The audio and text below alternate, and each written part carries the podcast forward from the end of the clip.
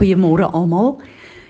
Ek dink ons almal is so 'n bietjie verstom oor die yskoue wat daar skielik by ons is in die sneeu ehm um, veral by Harry Smit en van Renenspas en dan dink ons hierdie tyd van die jaar verwag ons dit nie regtig nie maar as ek uitkyk en ek kyk na my bome wat begin bloei en die blaartjies wat begin vorm dan besef ek die Skepper God van die hemel en die aarde het alles onder sy beheer en dan is die verandering van die seisoene iets wat my hart altyd so warm maak.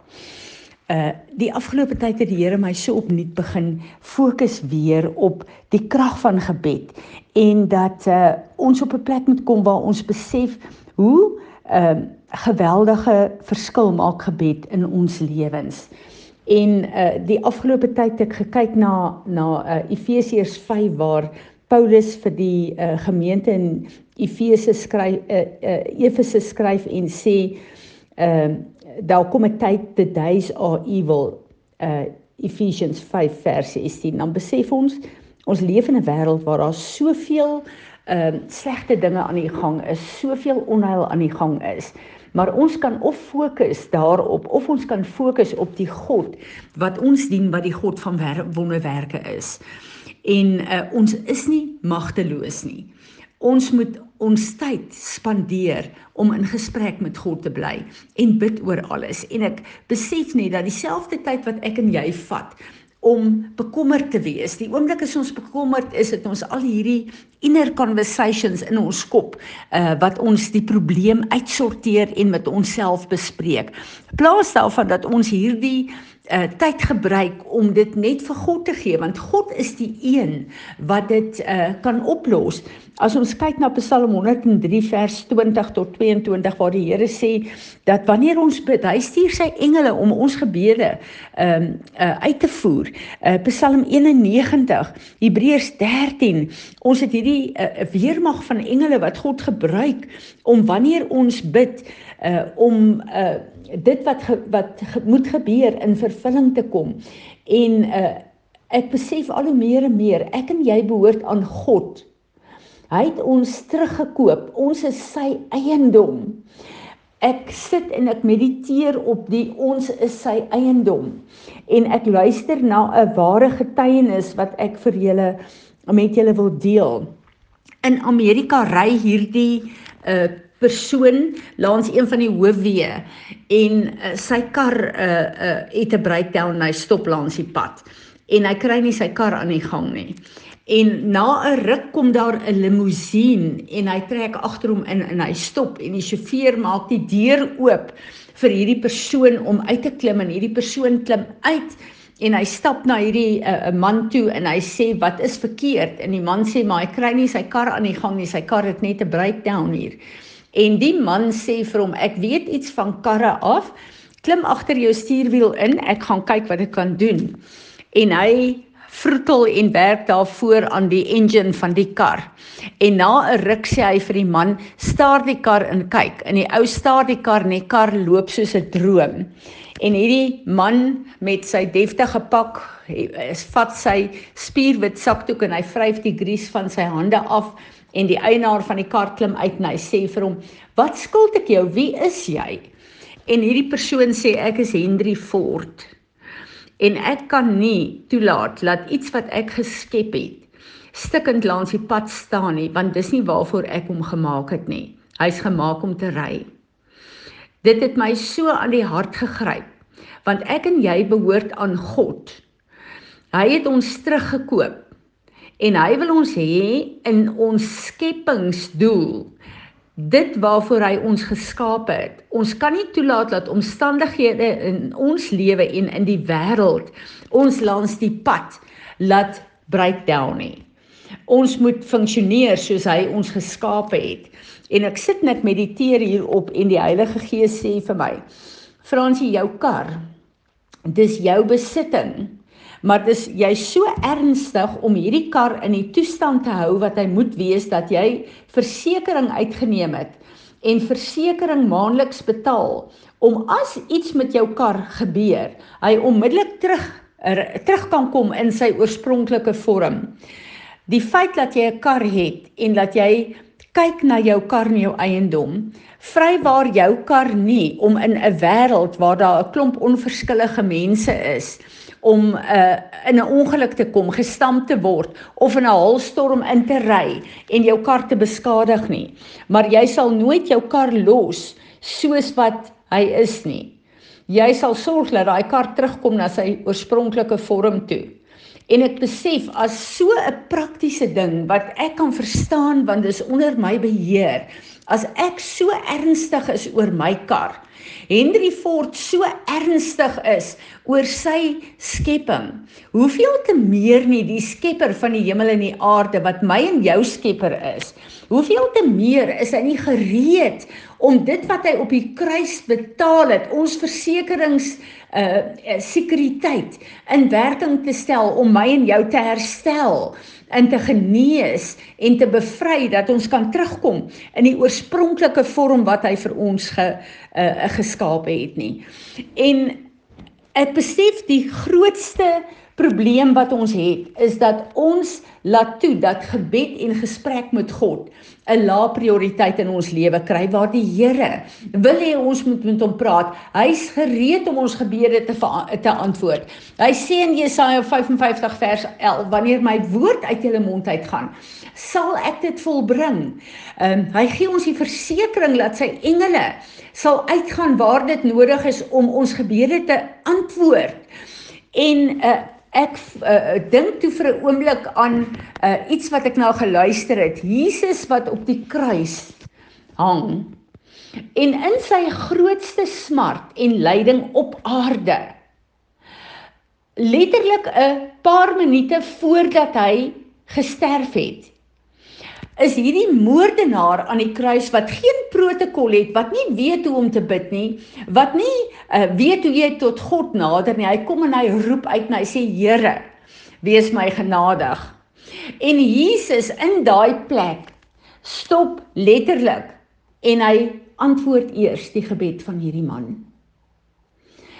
Terwyl hy self aan die kruis besig is om die grootste prys te betaal. En net voor hy sy asem uitblaas, bid hy vir almal op aarde en hy sê Vader, vergewe hulle. Hulle weet nie wat hulle doen nie. As ons 'n God het wat so op ons fokus, wat gereed staan om altyd na ons te luister. Om ons op 'n plek te plaas in verhouding met hom dat ons 24 ure 'n dag met hom kan praat. En ek besef net, dis een van die dinge wat die vyand ons die meeste aanval om nie te bid nie. Paulus sê bid geduldig deur. Wat beteken dit? Dit beteken as ek en jy 'n uh, spar toe ry, uh, as jy na jou lande toe ry, as ons werk toe ry, elke oop minuut, elke ervaring wat ons het, kan ons letterlik tot God nader, dit met hom bespreek, dit met hom deel. Dit is waaroor verhouding gaan, dit is waaroor gebed gaan. En hy staan so gereed om te luister na elke versigtiging van my en jou hart. Ek praat gisteroggend met 'n groep uh onderwyseresse En uh een van die woorde wat uitkom, een van die die onderwyseresse sê, uh sy en haar man kan uh uh lank praat oor die woord en die openbaring wat die Here in sy woord het. Maar die oomblik as hulle moet begin bid of wil bid, dan lei die telefoon of die kinders kom in of die en ek besef maar dit is presies. Ek en jy kan praat oor die Here, maar die oomblik as ons wil bid, sal die vyand ons probeer stop want hy verstaan die krag van gebed. Die oomblik as ons met God praat, kom sy hand in beweging en sit God letterlik die weermag van die hemel uh, in werking om te doen wat nodig is om ons gebede te antwoord. Ek het die vorige nag 'n droom gehad terwyl ek uh, dink en mediteer aan al hierdie um, skrifte oor gebed en die wonder en die krag van gebed. En ek droom ons is op 'n plek wat 'n 'n pragtige, pragtige ehm um, 'n uh, uh, natuurreservaat is, 'n uh, wildtuin in die kleine is, wat 'n huweliksvenue is, wat 'n uh, hierdie plek is absoluut in excellence, alles wat daar aangaan. En ek en die uh, vrou staan uh, en ons kyk, maar dis verskriklik droog En ek sê vir haar in al die tyd wat ek jou ken, het ek nog nooit hierdie plek so droog gesien nie. En sy sê vir my, Fransie, net die Here kan vir ons reën stuur. En ons stap na die badkamer toe en ek wil toilet toe gaan en alles is pragtig en keurig soos wat dit in die fisiese lyk. Maar toe ek aan die deur vat, toe sê sy vir my oppas, die deur is nie goed gehang nie, hy's eintlik stikkend, laat hy nie uithak en breek nie. En die volgende oomblik is ons in 'n plek waar sy vir ons 'n 'n brunch uitgepak het, maar die mooiste versierings, die dis te pragtig, te keurig gedoen, net soos wat ek hierdie vrou ken.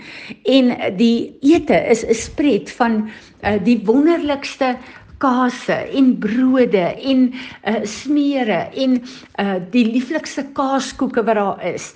En uh, baie keer kan 'n mens uh, voor 'n uh, 'n feesmaal sit, maar jy eet, maar jy kry nie daai genoegdoening van ek het lekker geëet nie. En terwyl ek eet, kry ek hierdie vervulling van, "Sjoe, dit is heerlik." Soos wat ek eet en verkoop voel.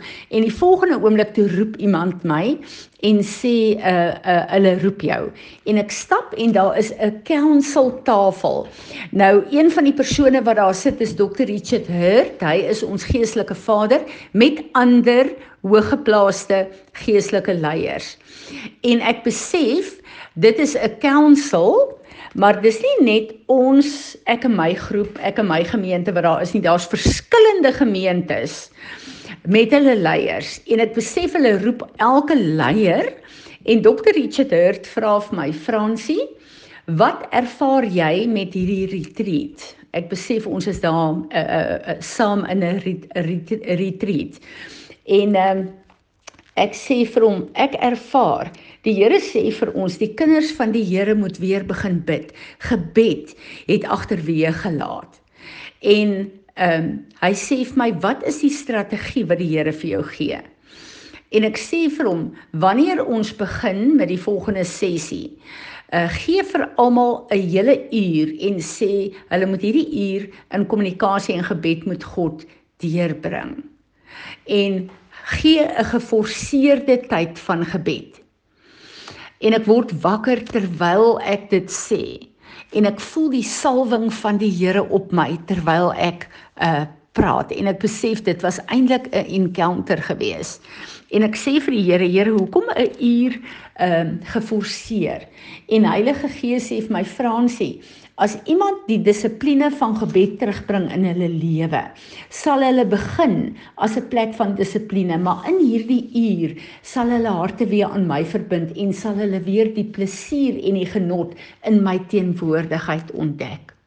Dit was my so wonderlik en ek besef dat gebed moet weer 'n prioriteit word en ons moet versigtig wees dat jy nie uh al die kennis wat ons geleer het deur die jare en die protokol van hoe ons moet bid en uh uh wat ons moet doen in gebed dat dit ons nie weghou van spontane kommunikasie in gebed met ons Vader nie.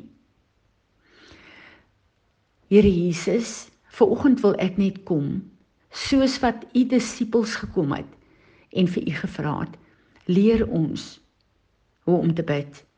Ek bid dat u gebed weer vir ons 'n hoogtepunt sal maak en dat ons ons sal verlustig in u teenwoordigheid. Amen.